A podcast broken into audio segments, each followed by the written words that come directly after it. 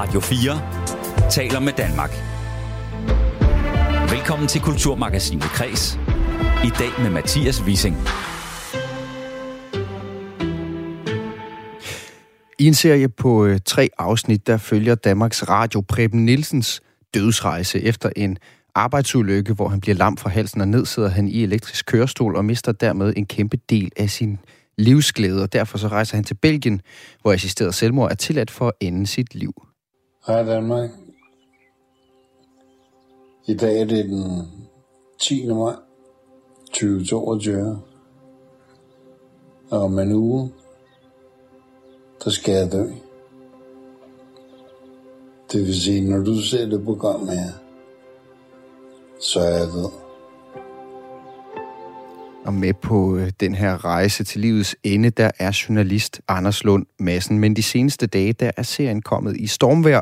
For vil man nogensinde lave den her serie, hvis Preben ikke havde haft et fysisk handicap?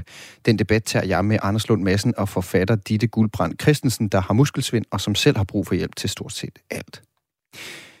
Glæden ved øh, VM er selvfølgelig først og fremmest at se de hold, man holder med, vinde fodboldkampe, men bag ved den glæde, så ligger der en måske endnu større og mere langtidsholdbar glæde, nemlig den fællesskabsfølelse, der ligger i at se noget på samme tid som alle de andre, og hvor man i realtid kan mærke, sammen med alle de andre, der kigger med, hvor meget der er på spil. Det er for eksempel svært at forestille sig EM-euforien i Danmark forrige sommer uden den her live-oplevelse, som det jo var at se kampene sammen. Men selv samme live-nerve, som også strækker sig ud over sport og fodbold, den er under beskydning lige nu hos Danmarks Radio, hvor Disney Show bliver til fredagstamtam, som kan streames præcis, når det passer den enkelte, og hvor nyhedsprogrammet Deadline bliver beskåret og reduceret i live sendetid fra årsskiftet.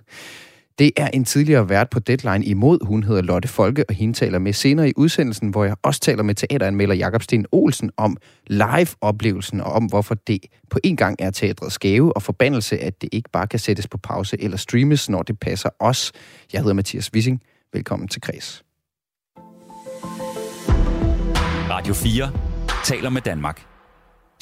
En ny opgradering af kunstig intelligens software på nettet gør, at du nu kan få en såkaldt chatbot til at skrive dine børns skoleopgaver, dine digte eller dit julekort. Det fungerer sådan, at du og jeg ved at gå på internettet kan skrive hvad som helst til den, efter vi få sekunder senere modtager et autogenereret svar. Og nu er den blevet så klog, at vi lige frem kan bede den løse opgaver for os. De her chatbots har vi set og skrevet med længe, men forskellen den her gang er, at den er blevet så god, at den lige frem sætter grå hår i hovedbunden på gymnasielærer rundt omkring i landet. En af dem skal vi tale med om et øjeblik, men først skal vi lige høre, om der overhovedet er grund til bekymring, og det skal jeg snakke med dig om, Mads Victor Hartvig Hansen. Velkommen til.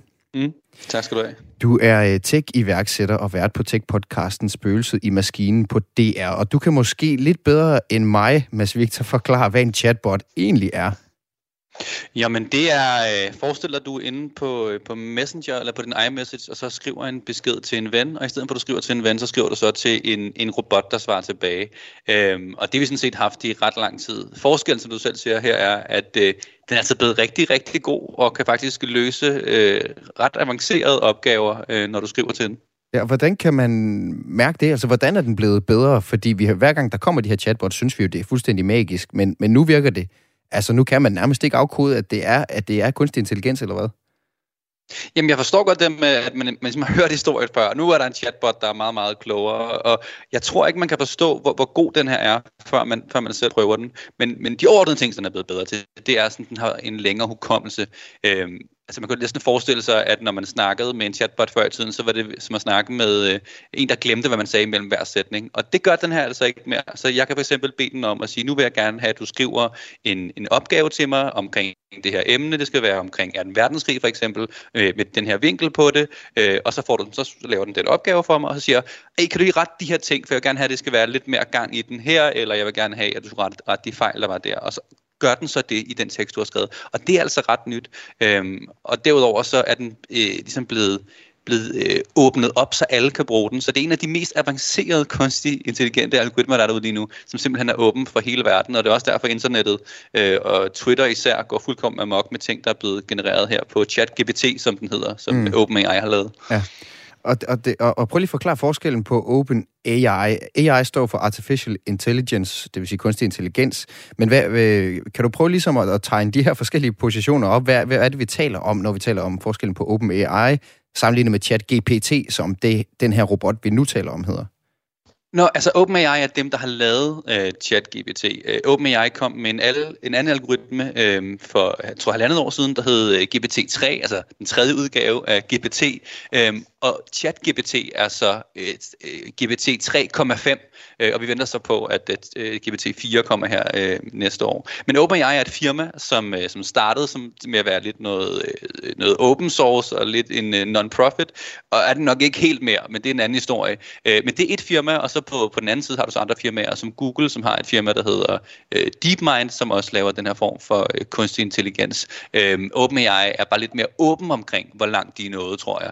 Øh, jeg tror, de fleste folk gætter på, at Google og DeepMind også har noget, der, der er der henne af med det her. Mm. Øh, men så snart det ligesom bliver offentligt, så sker der ligesom en, øh, lad os øh, kalde det arms race, hvor alle de andre firmaer også prøver ligesom at følge med. Det kunne vi se for øh, bare få måneder siden, hvor OpenAI øh, viste hele verden, der er lige, som ja, er den her kunst. Der, der kan lave kunst, ja. øh, og lige pludselig så kom øh, Google også med deres, og Facebook kom med deres, og, øh, og nogle open source udgaver, som er virkelig, virkelig gode, kommer altså også ud.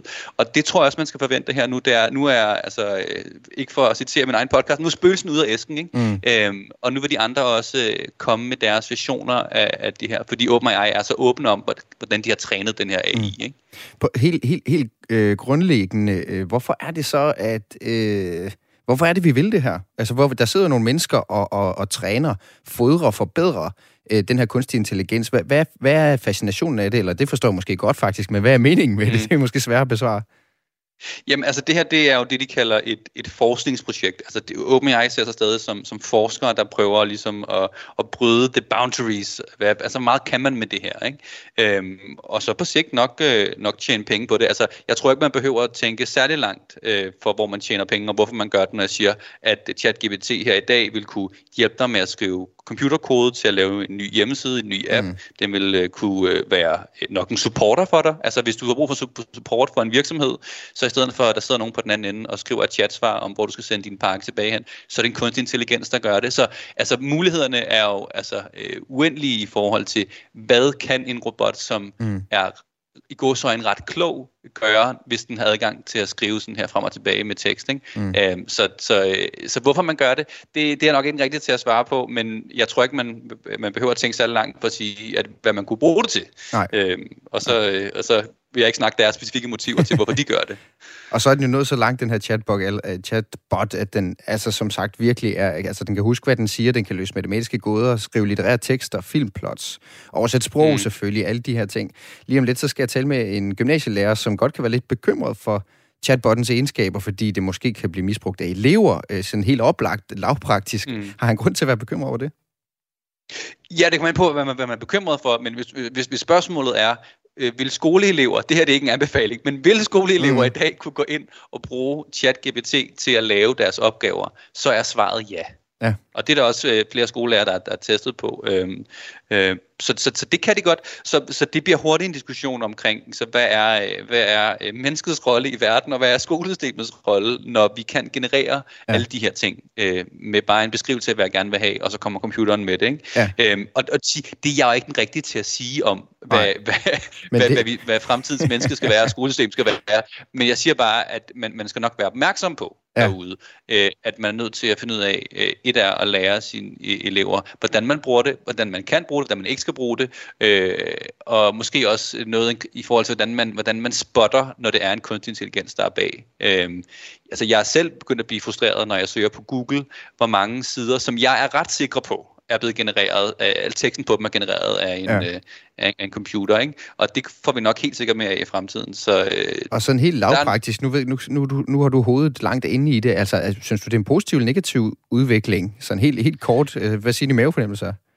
Og oh, men jeg, jeg har virkelig, øh, jeg, jeg har været lidt øh, sådan en lille smule skræmt af det over her over weekenden, mm. øh, fordi at det er altså det, det er kommet til det, det er kommet dertil, hvor vi hvor vi tænkte, det skulle komme til på et tidspunkt. Og selvfølgelig, vi er der jo ikke 100% i forhold til, altså det, det er jo ikke et individ i sig selv, der tænker og har, har noget, den gerne vil, men den kan altså løse rigtig mange opgaver fra os. Mm. Øhm, mm. Altså der var en på, en på Twitter, der skrev det her med, øh, at ChatGPT tager 10 udviklere og gør dem til 100, og en udvikler og gør personen arbejdsløs. Mm. Og, og det er måske en meget sjovt måde at se det på. Det er jo, øh, der er jo mulighed for, for, for at, at du ligesom kan øh, gøre mere som person med sådan et værktøj som det her. Det, det kan jo så også betyde, at der er færre arbejdspladser. Øh, så jeg er da lidt skræmt af, hvor, altså, hvor det er, men altså det, det, det tror jeg øh, altid er, og jeg skal ikke være luddite på den måde og sige, at vi skal stoppe teknologiske fremskridt. Mm. Øhm, ja. Og man kan sige, den, det store argument for at gøre det her tit er jo også altid at sige, at hvis vi ikke gør det, er der nogle andre, der gør det. Øhm, ja. Og det skal helst ikke være nogen, som vi går så ikke kan lide. Nej, det må ikke ligesom falde i til... hænderne på de onde. Præcis. øhm, og, så, og, ja. og det er jo også tit argumentet for det, og det er faktisk OpenAI's øh, vision, det er ligesom, at, at, at, at, at kunstig intelligens skal være åben og for folket, og ikke låst inde i en virksomhed som Google eller inde i en stat. Og det kommer vi helt sikkert til at debattere meget mere. Tak fordi du var med her, tech-iværksætter og vært på øh, Tech-podcasten Spøgelse i Maskinen på, på DR. Øh, Mads Victor Hartvig Hansen. Selvfølgelig. Og så snakkede vi om det her med, om der var grund til at være bekymret for, om det var noget, gymnasieelever ville kunne få, det kunne falde i hænderne på, på de ondeste af de onde, nemlig gymnasieeleverne. det er de ikke, men de kunne i hvert fald måske få lidt nemmere ved at løse nogle skoleopgaver, som de i virkeligheden selv skulle stå for. Og det er en bekymring, som du måske har, Rune Schmidt. Velkommen til. Tak skal du have. Du er øh, gymnasielærer på Skanderborg Odder Center for Uddannelse, og så har du faktisk også prøvet den her nye chatbot, og den har gjort dig en lille smule bekymret. Hvorfor har den gjort det? Ja, altså, jeg, jeg kan jo starte med at sige noget om på den her rigtig fine introduktion af, af Mads til, til feltet og den her chat-GPT, at, at det er jo både bekymringer og også dyb fascination, synes jeg, der rammer en, når, når man prøver den her ja. øh, chatbot. Hvorfor? Øh, jamen, altså hvis vi tager bekymringerne først, så er der selvfølgelig de her helt lavpraktiske ting, som, som Mads jo også var inde på, at øh, man jo faktisk mere eller mindre øh, kan få den til at skrive en opgave for en. Mm. Man kan i et eller andet omfang give den en problemformulering, og så spytter den faktisk noget ud, som mm. ikke er helt tosset. Mm.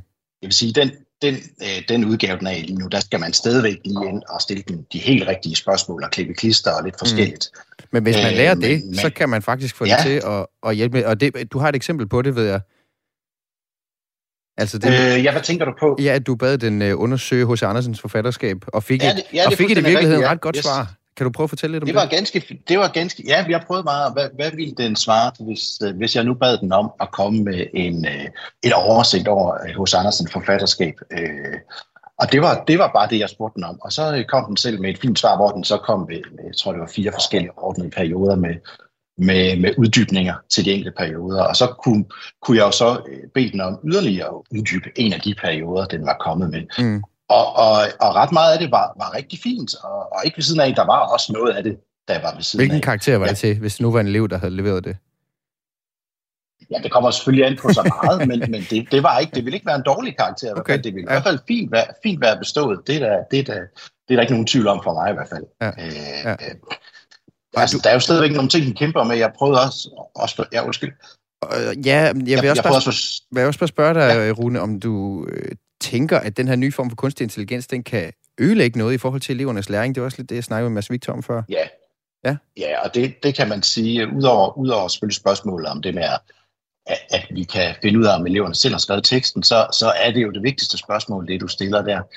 Øhm, man kan jo sige, altså grunden til, at eleverne skal skrive tekster både i både dansk fag, men også i, i øh, de andre fag, det er, jo, øh, det er jo ikke bare for at finde ud af, hvad de ved, men det er jo for at få dem trænet øh, i skriftlighed. Og det kan man jo se i et større perspektiv i forhold til, at det også handler om at, ligesom, øh, at træne sig i en bestemt form for tænkning. Altså mm. Altså det her med, at skriftlighed er jo på en eller anden måde også en måde at forholde sig til verden på, og noget med at kunne indsamle forskellige kilder og se ting fra forskellige synsvinkler, og alle de her ting, der nu mm. øh, hører til. Øh, så der kan man jo selvfølgelig godt sige, at, øh, at, at der kan jeg selvfølgelig godt sidde lidt med en bekymring om, hvis eleverne pludselig finder sådan en genvej til, til de ting, at vi så ikke får dem trænet i de her helt afgørende ting i forhold til både deres læring, men også i forhold til, til den her dannelse, der også ligger i at kunne se øh, nuanceret øh, mm. øh, på forskellige ting og emner og forholde sig øh, kritisk til dem. Det bliver spændende og øh, vigtigt at følge med i øh, efterhånden, som den her software den udvikler sig. Rune Schmidt, gymnasielærer på Skanderborg og Center for Uddannelsen. Tak fordi du var, var med. Det var også let.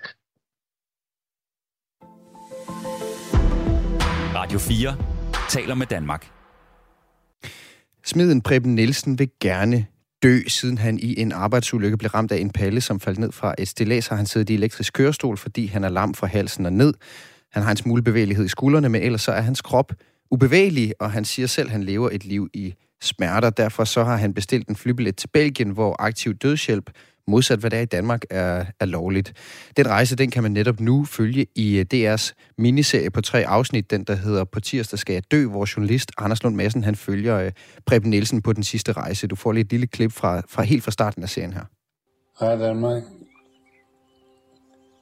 I dag er det den 10. maj 2022. Og om en uge, der skal jeg dø. Ja, emnet øh, aktiv dødshjælp, det skaber altid debat, og det gør det også den her gang. Ditte Guldbrand Christensen, forfatter, medlem af Muskelsvindfondens repræsentantskab. Du bruger selv kørestol, og så er du medstifter af det handicapaktivistiske netværk Ikke Død Endnu, som kæmper imod aktiv dødshjælp. Velkommen til.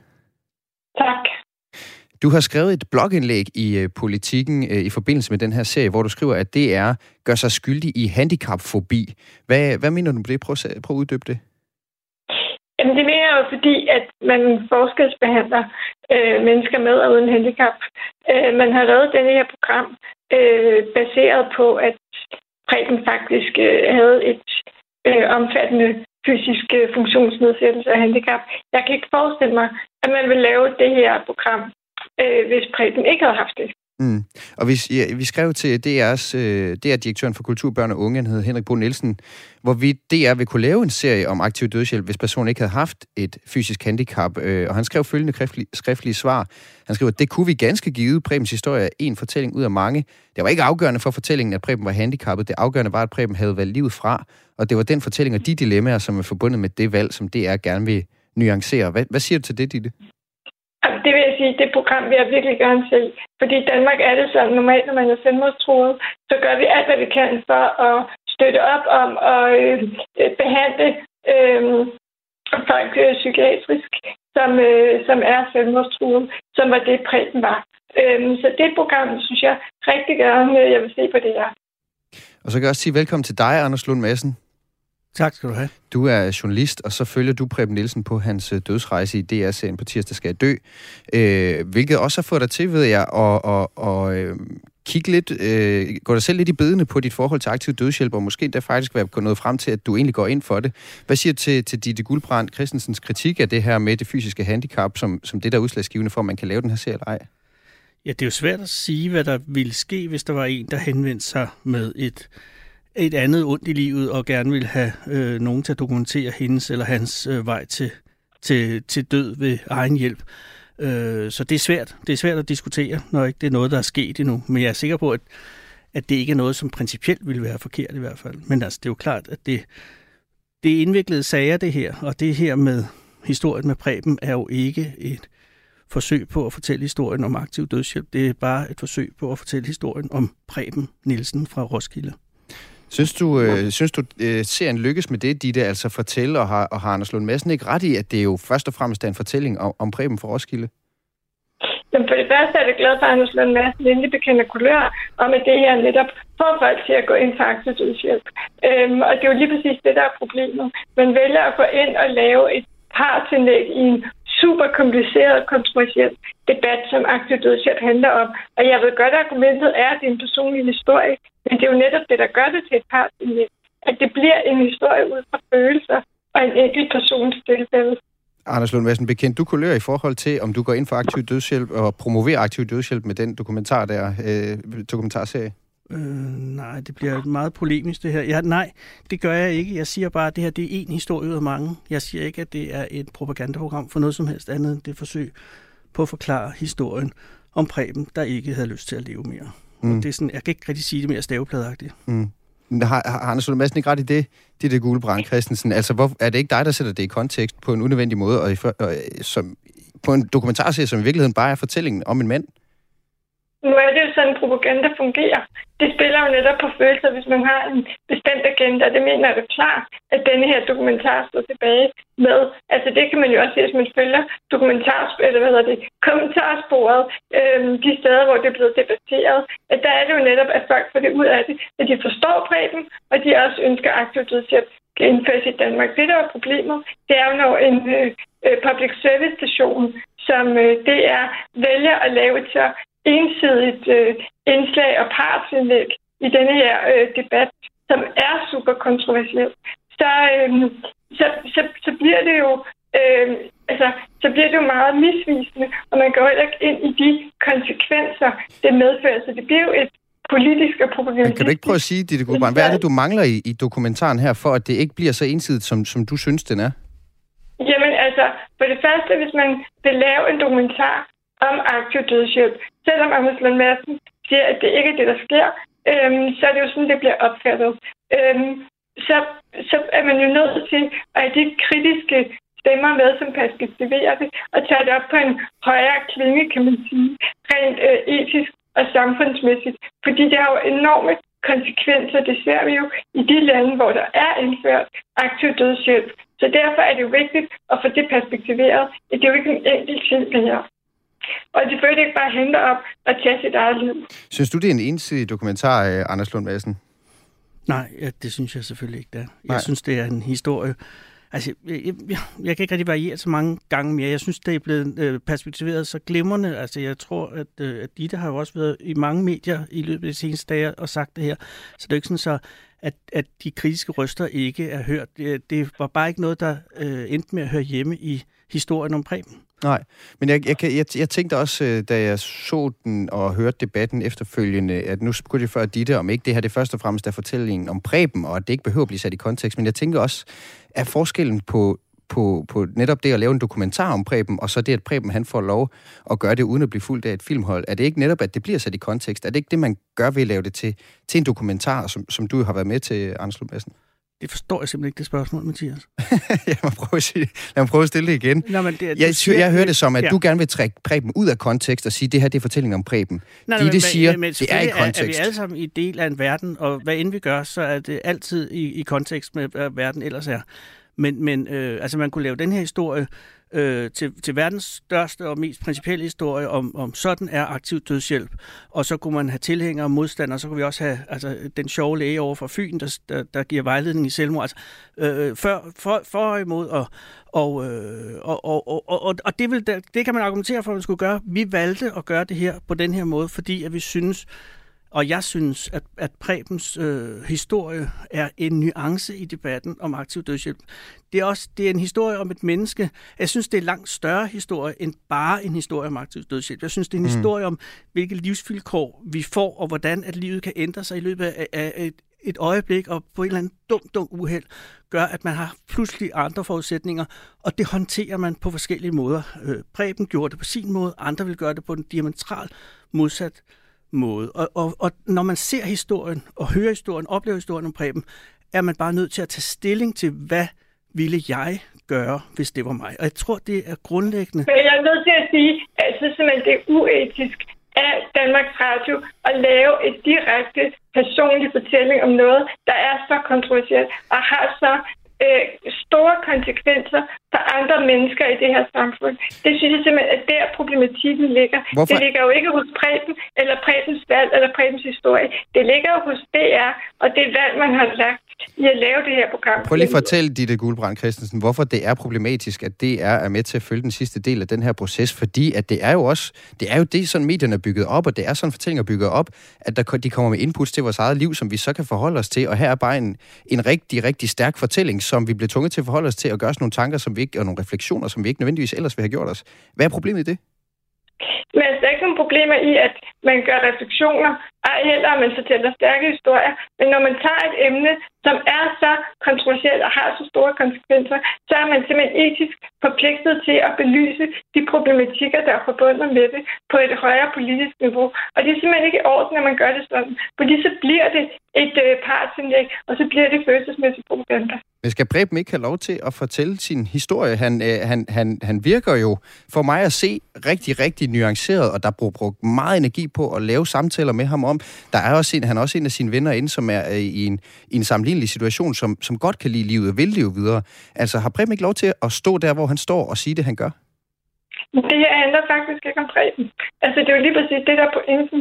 Altså, fordi Preben øh, står lige præcis, hvad han står. Problemet er, at vi i Danmark normalt behandler selvmordstruede på en anden måde. Og det viser jo netop den forskelsbehandling, der er på mennesker med og uden handicap. Og det er jo det, der er hele essensen i mit debatoplæg. Det er, at Danmark Radio faktisk opfører sig handicapfobisk i denne her sammenhæng, fordi at der er forskel på at have et handicap og ikke et handicap. Og så de påstår, at de vil lave det her program til med et menneske, som ønsker at dø, så er det bare ikke sådan, lovgivningen er i Danmark, og det er ikke det, vi gør. Så det program vil jeg virkelig gerne se.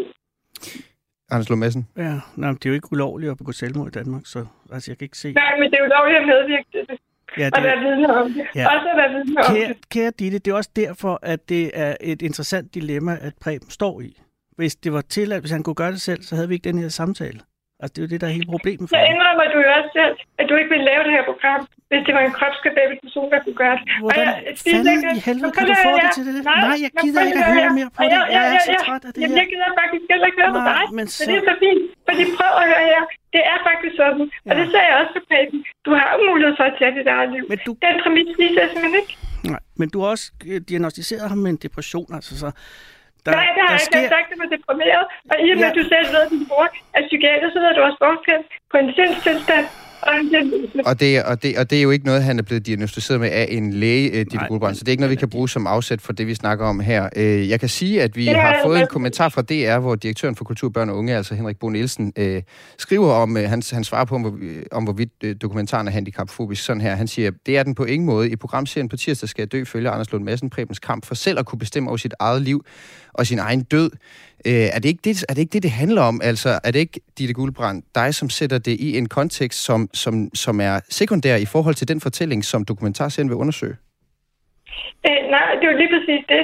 Når man vælger et emne som aktiv dødshjælp, som har så store konsekvenser, så er man også nødt til at belyse det ud fra den kontekst, det skal ses i. Og man kan ikke bare tage en uh, personlig historie, fordi det er en god historie, det er fedt tv, øh, og så plaster det op på den måde. Det er simpelthen ikke i orden, det er etisk, moralsk forkert, og det kan det godt være, at han ikke mener, at det er handicapfobisk. Men i og med, at du ikke vil lave det her program, og det vil jeg stadig påstå til den dag, jeg ser noget andet, så vil jeg gerne se, at man gør det med en kropskababel person, at man følger den person i døden. Men skal vi så ikke vente med at have den her samtale til, at det er sket? Altså, du kan jo blive, du, altså, skal vi ikke vente med at have den her samtale til, at det program så er sendt? Det, jeg godt kunne tænke mig at spørge dig om, Anders Lund Madsen, det Ja. er, at jeg tror jo øh, ikke, at der er nogen, som ser det her program, som ikke har sympati for Preben. Men jeg kunne godt tænke mig alligevel at høre dig på dine overvejelser. Det er dig, han henvender sig til. Hvad var dine overvejelser i forhold til, at den her fortælling skulle i fjernsynet? Øh, jeg tænkte, overvejede, jeg fik en henvendelse, og så synes jeg, øh, at jeg tænkte grundigt over, at det her er noget, som rager andre mennesker end Preben og mig så, som var blevet involveret i den. Og så besluttede jeg mig efter den overvejelse, det synes jeg, det var, for jeg synes, det var en interessant eksistentialistisk øh, spørgsmålsproblemstilling at befinde sig i. Og jeg synes også, udover det, at Preben var et, øh, et vidunderligt stort og meget, meget øh, afklaret menneske, og jeg synes, at øh, hvis der er noget, vi mangler i medierne, hvis noget, vi mangler i radio og tv, så er det øh, kloge stemmer fra mennesker, som rent faktisk har tænkt over tingene. Jeg synes, at vi er oversvømmet af folk, der bare ævler og bævler af et eller andet, der tilfældigt kommer ind i munden og kommer ud af munden. Og endelig har vi så her et menneske, som rent faktisk i en af de sværeste situationer, man kan opfinde, befinde sig i, har evne til at se, se igennem det og træffe en beslutning. Jeg siger ikke, at hans beslutning er rigtig eller forkert. Jeg synes bare, at det er at pisse på en mand ved at sige, at hans, at hans beslutning ikke er velovervejet. For det er virkelig velovervejet. Og man må respektere ham. Og så kan man jo folde den ud og lægge alt muligt ind i den, hvad man har lyst og behov for. Men det kan ikke tage fra den historie, det som han gav den, og som er et, et, en, en historie om et stort menneske i en svær, svær situation. Ditte, Ditte Guldbrand Christensen, du synes, at tonen er for underholdende. Hvorfor gør du det helt kort her til sidst? Jamen, jeg synes jo bare for at sige, det er jo lige præcis det, der er. Det er rigtigt, at øh, Preben var et virkelig, virkelig stort menneske, og gør også stort indtryk på mig. Men det er bare stadig sådan, at nogle mennesker er selvmordstruede, og der er masser af mennesker, der er selvmordstruede, øh, som er velovervejet og har gode argumenter for, hvorfor at de vil tage deres eget liv. Så det er simpelthen ikke et argument. Det er, sådan, det er ikke sådan, de behandler mennesker, der er selvmordstruede i Danmark, og det er den forskelsbehandling, jeg er nødt til at påpege. Og så er det simpelthen at lave underholdning og tage folk ud i et øh, akvarie og indspille en sang, det synes jeg, der er godt tv. Men hvis det var løsningen på folk, der var selvmordstruet, så tænker jeg, at de skal indføre Og en sidste reaktion, det. den sidste reaktion på det, Anders Lund Madsen, det her med de her, med de her aktiviteter. Der er nogle forskellige aktiviteter, som, som du ja. øh, gennemgår sammen med Preben, som er en del ja, af udsendelsen. Helt kort til ja. sidst, hvad tænker du med det? Jamen, det taler så meget for selv. Hvis man synes, det er at lave underholdning ud af folk, så, så, øh, så har jeg ikke, ja, det kan jeg ikke komme igen på. At det er simpelthen for øh, idiotisk.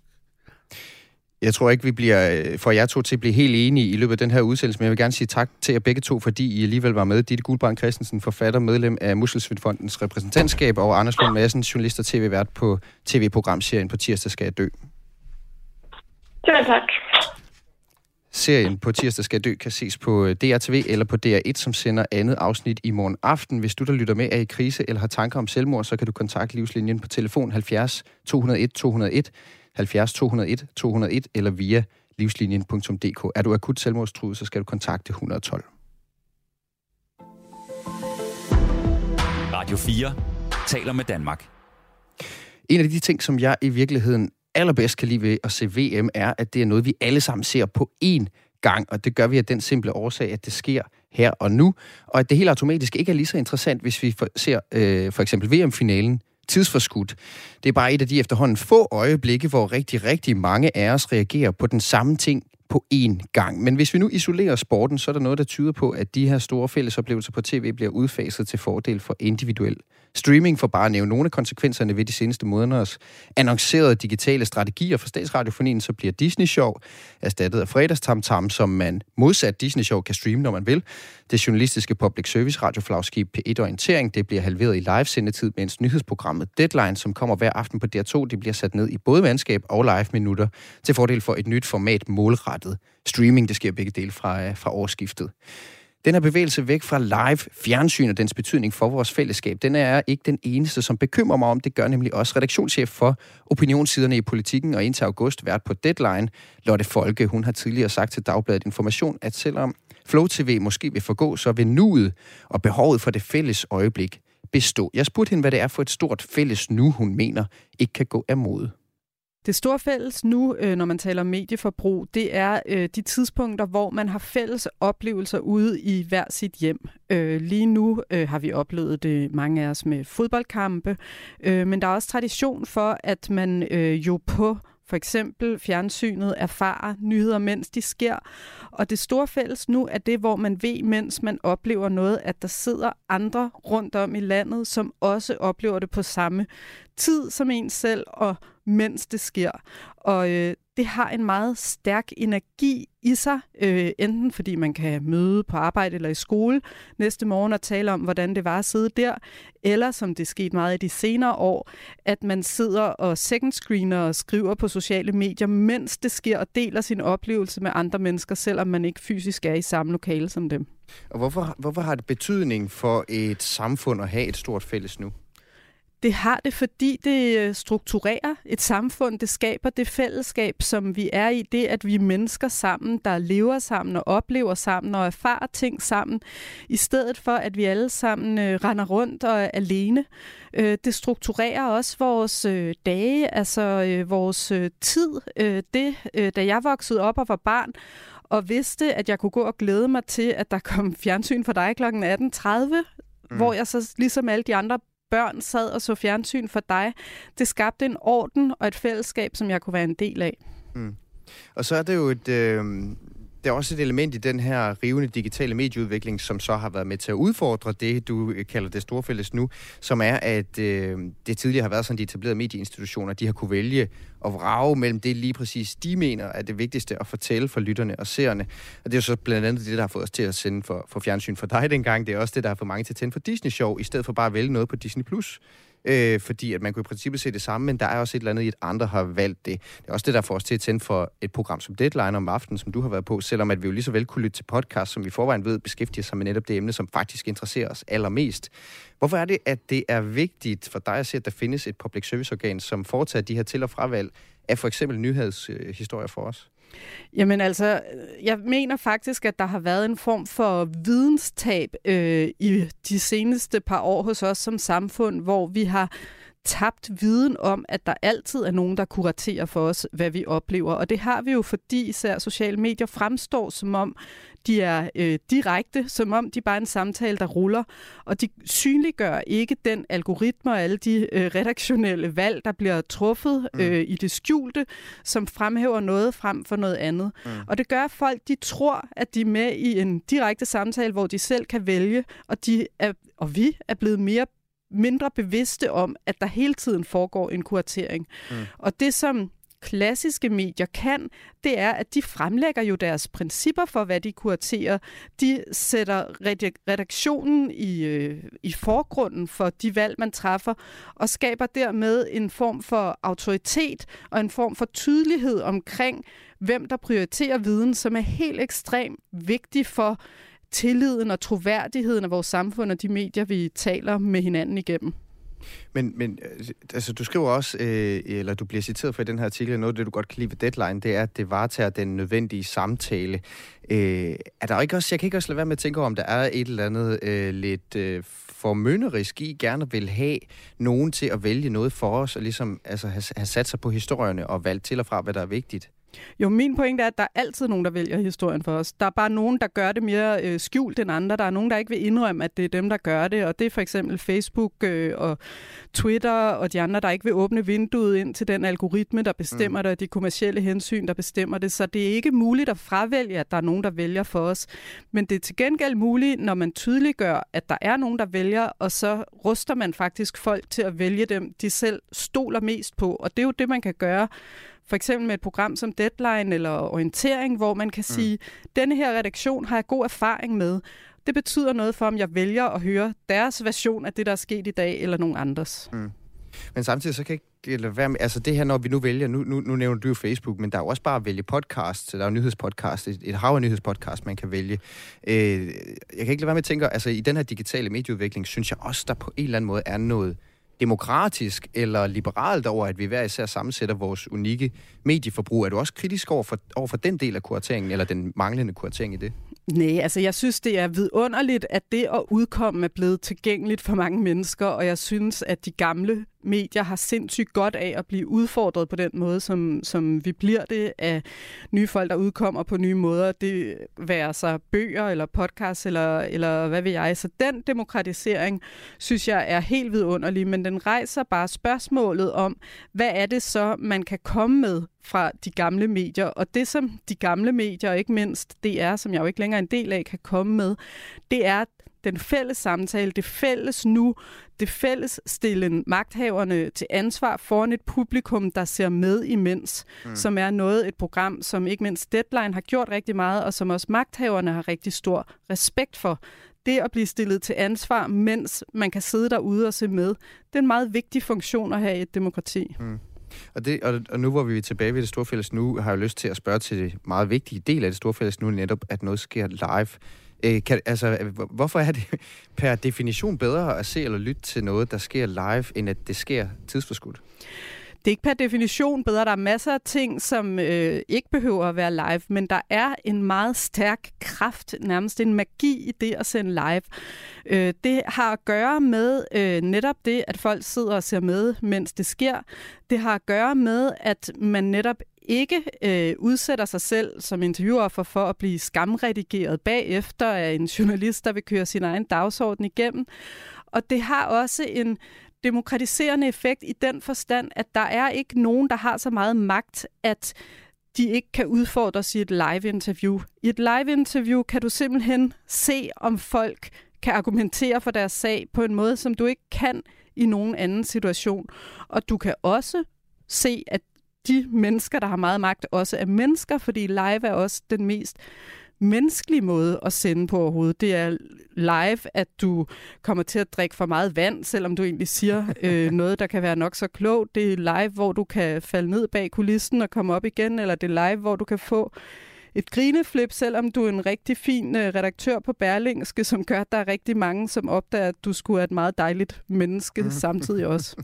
Men der, nu, altså nu snakker vi meget om Deadline, det kunne være alle mulige live-formater her, men i Deadline, altså, der vil du jo, da du var vært, øh, du, du, start, du startede på politikken i august, men frem til der, hvor du var vært på Deadline, der kunne du jo også øh, have lavet de her interviews, og så sagt, det er det, der i mediebranchen hedder live on tape, og så er det jo det samme for, for lytterne og seerne af programmet, eller hvad?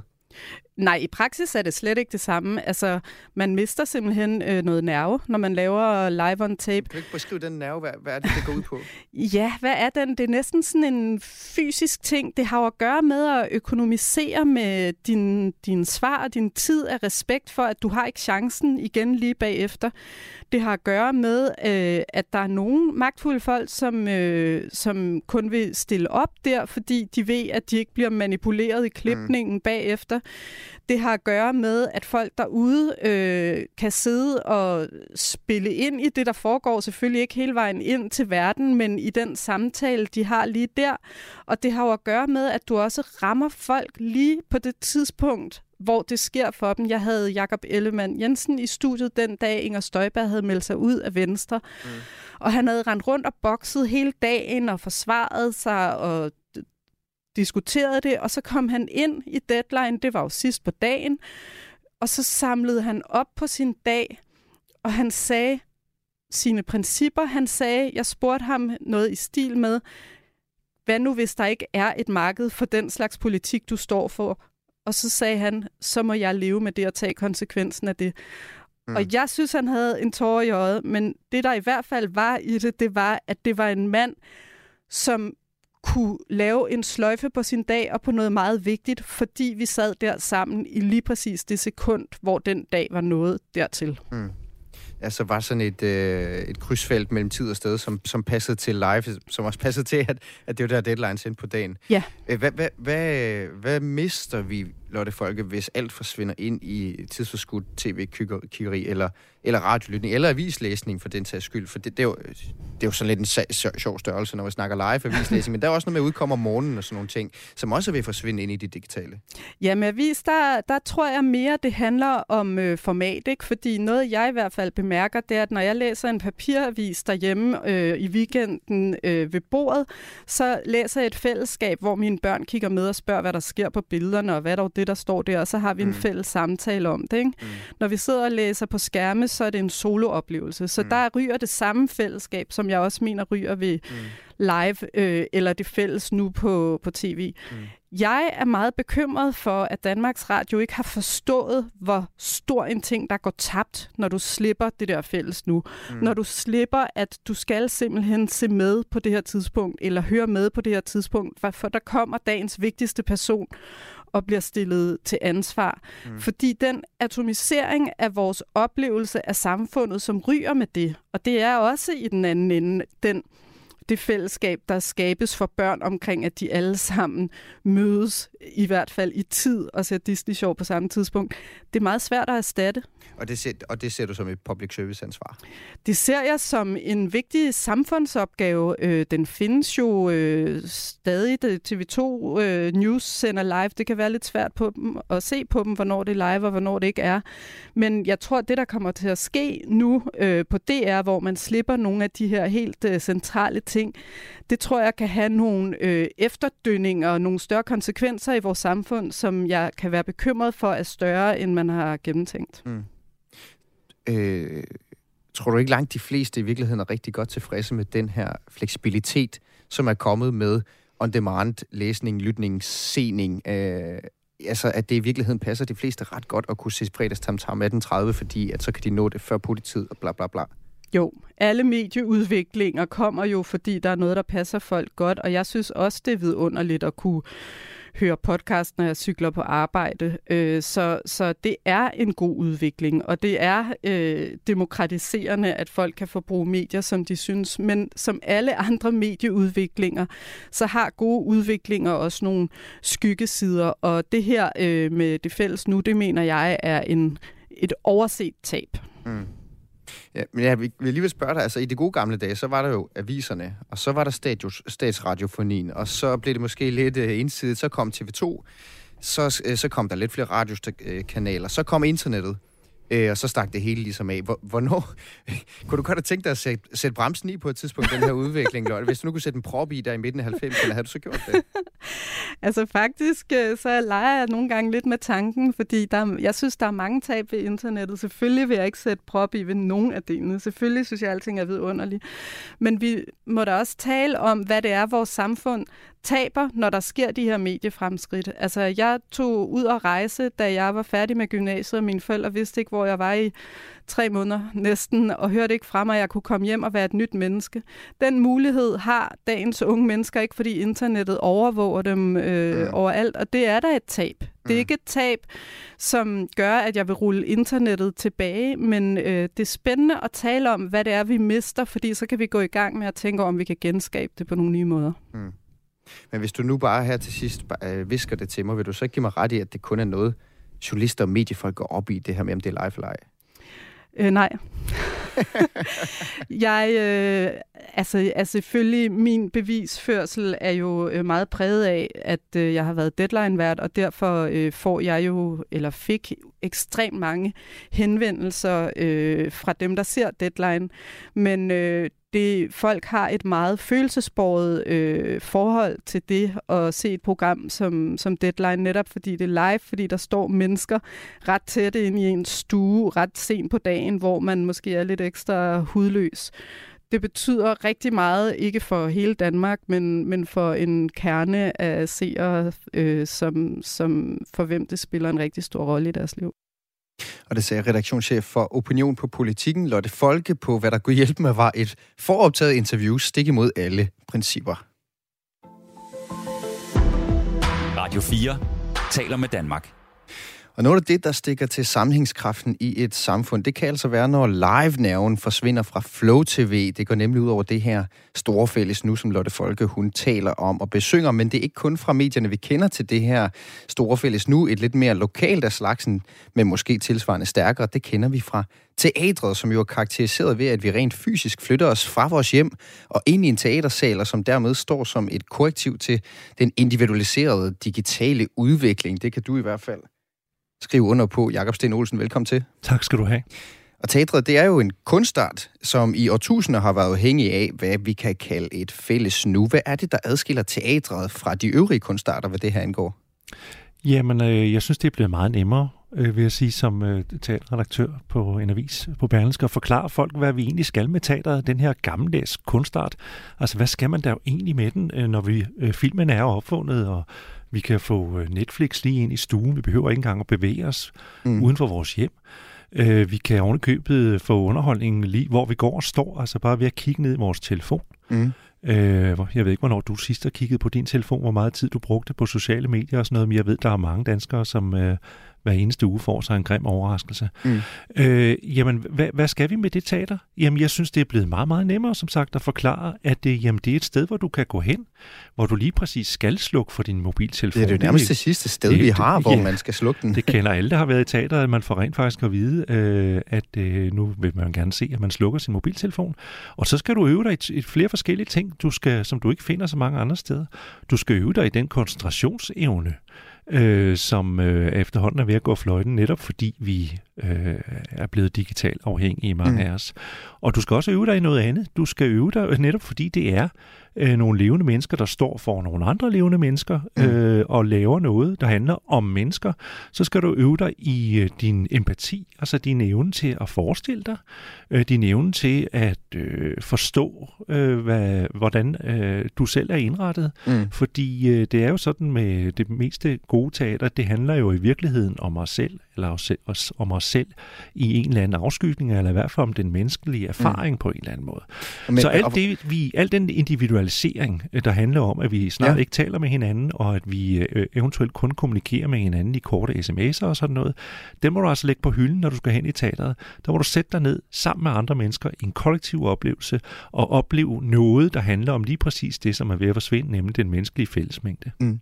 Og hvad gør det ved os, øh, når vi så går i teatret, at det hele i modsætning til rigtig mange andre ting efterhånden foregår live? Altså, hvorfor er det ikke lige meget det her med, om det er live eller ej? Jamen, jeg tror i virkeligheden, at øh, det lyder sådan lidt højdragende, men altså, man kan godt lege med tanken om, at teateret i virkeligheden er gået hen og blevet sådan et kollektivt traumecenter. Altså, hvor mm. vi kan gå hen og få øh, behandlet vores øh, traumer i forhold til det at være menneske. Netop fordi vi øh, det er lidt det samme som hvis du, oplever, hvis du læser god litteratur, oplever, at du simpelthen ikke er alene med dine følelser. Der er altså måske ovenikøbet nogen på Shakespeares tid, øh, som har oplevet noget, der mm. mindede om det, du går igennem. ja. øh, vi er ikke alene, og det bliver meget fysisk på teateret, fordi du heller ikke oplever det alene. Du sidder der rent faktisk sammen med nogle andre mennesker, øh, som også er gået derhen af lige præcis samme grund, at de gerne vil have udvidet deres menneskelige erfaring sammen med nogle andre. Og hvornår er det, den her live-magi, den, den kommer til udtryk for dig som, som teateranmelder?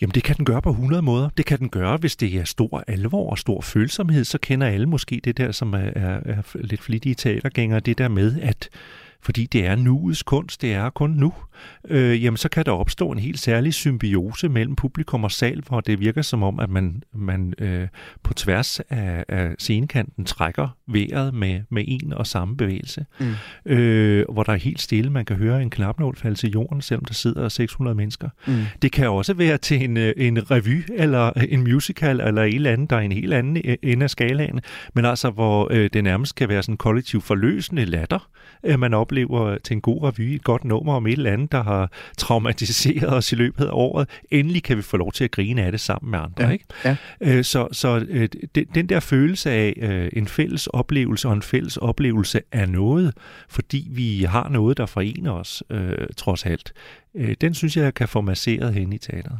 Og så nemlig det der med, at det jo skal, som du siger, opleves øh, i teatret. Hvis du ikke når at opleve det i teatret, så er det så det er jo væk. Altså, det, er jo ja. det, er jo, det er jo det, som hvis man ikke er vant til at gå i teatret, man vil faktisk måske kunne svinge sig op til at synes var en lidt irriterende ting ved teatret. Men, men, men sådan har du det formentlig ikke. Du, Nej. Det er jo det, det handler om. Ja, det, lige præcis. Det er, jo, det er jo det, der er det smukke ved, dig. Du, ved det. Du er simpelthen nødt til at være der.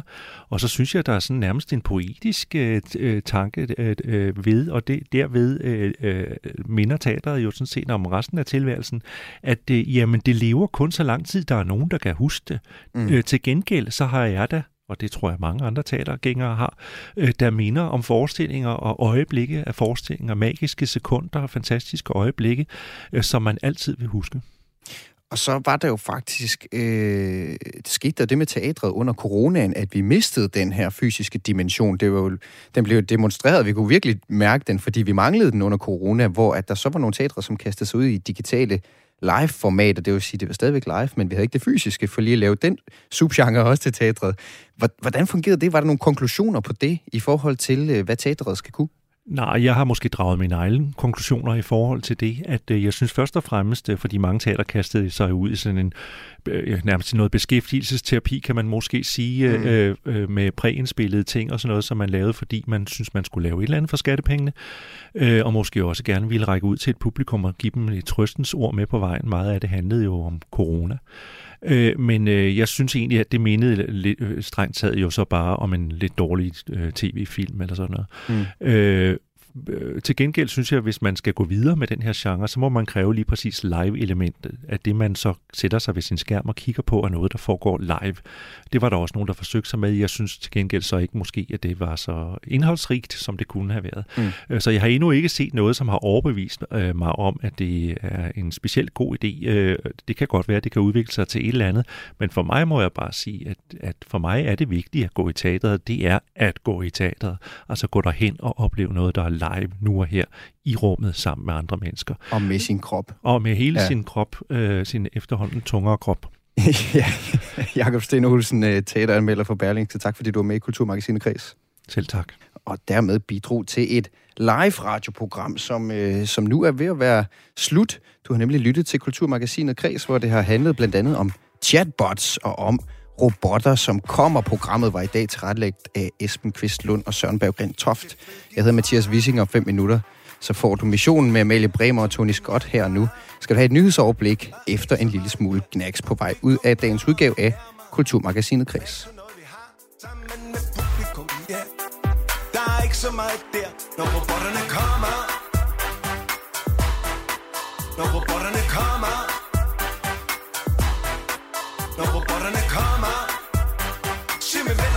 med armen. Så må vi klare os på charme. Så må vi klare os på charme. Så må vi klare os på charme.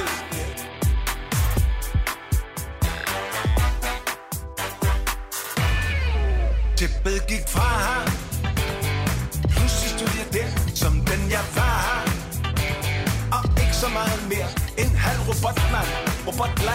i spotlight. Fanget i et netværk Alle stresser. Efter de samme mentale GPS'er Når robotterne kommer.